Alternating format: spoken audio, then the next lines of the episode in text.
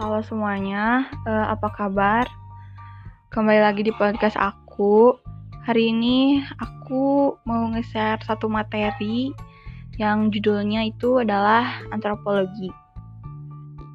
Jadi uh, untuk waktu yang lama manusia gitu, terutama para ahli ilmu sosial dan filsuf mempertanyakan tentang sebenarnya siapa sih manusia, dari mana manusia berasal dan mengapa mereka berperilaku seperti yang mereka lakukan gitu.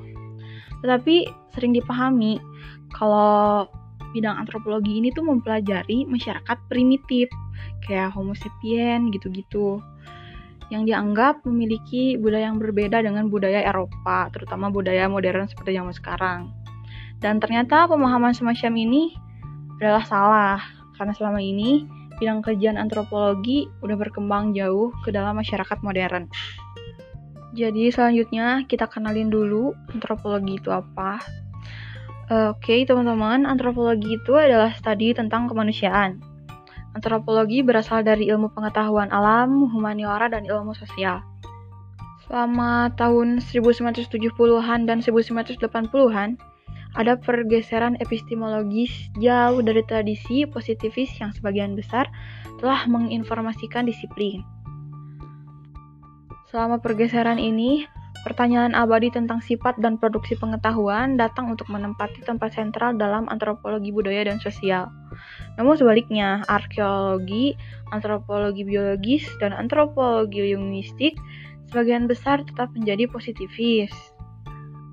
Lalu masuk kepada sejarah antropologi, penggunaan pertama kata istilah antropologi dalam bahasa Inggris merujuk pada ilmu alam manusia yang tampaknya pada tahun 1593. Yang pertama dari logika yang diciptakan. Immanuel Kant membutuhkan waktu 25 tahun untuk menulis salah satu risalah besar pertama tentang antropologi. Dan antropologi secara tradisional dibagi menjadi empat subbidang. Masing-masing dengan cabang lebih lanjut adalah antropologi biologis atau fisik, kemudian antropologi sosial atau antropologi budaya, arkeologi, dan linguistik antropologi. Bidang-bidang ini sering tumpang tindih, teman-teman, tetapi cenderung menggunakan metodologi dan teknik yang berbeda.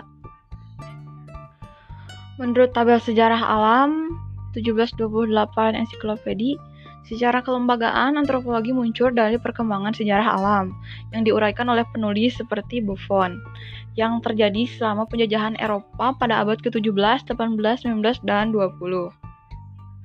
Program studi yang dimulai pada era ini adalah etnografi, yaitu studi tentang manusia primitif yang diawasi oleh administrasi kolonial. Ketika disiplin akademis mulai berdiferensiasi selama abad ke-19, antropologi menjadi semakin berbeda dari biologi. Kritik yang umum terjadi adalah bahwa banyak sarjana sains ilmiah seperti ekonomi, sosiologi, dan psikologi di negara-negara barat berfokus secara tidak proporsional pada subjek-subjek barat, sementara antropologi berfokus secara proporsional kepada hal yang lain-lain. Namun hal ini telah berubah selama paruh terakhir abad ke-20 karena antropologi semakin banyak juga mempelajari subjek barat, terutama variasi lintas kelas, wilayah, atau etnis dalam masyarakat barat. Kemudian, seiring berjalannya waktu, antropologi terus berkembang hingga abad ke-20. Antropologi juga berkembang di banyak negara seperti Britania dan Amerika Serikat. Kemudian, antropologi Boasian yang dibawa oleh Franz Boas berkembang secara akademis di Amerika Serikat dan Kanada. Kemudian selain Amerika Serikat dan Kanada, ada juga di Perancis dan di negara-negara lain seperti Yunani dan Portugal. Hingga pada Perang Dunia Kedua dan antropologi berkembang juga dalam dunia militer. Nah, teman-teman, segitu aja materi antropologi yang dapat aku sampaikan di podcast kali ini. Selalu tunggu episode podcast selanjutnya. Nama saya Nazrina Nabila Hasna dari Pendidikan Kewarganegaraan Universitas Pendidikan Indonesia. Terima kasih dan sampai jumpa.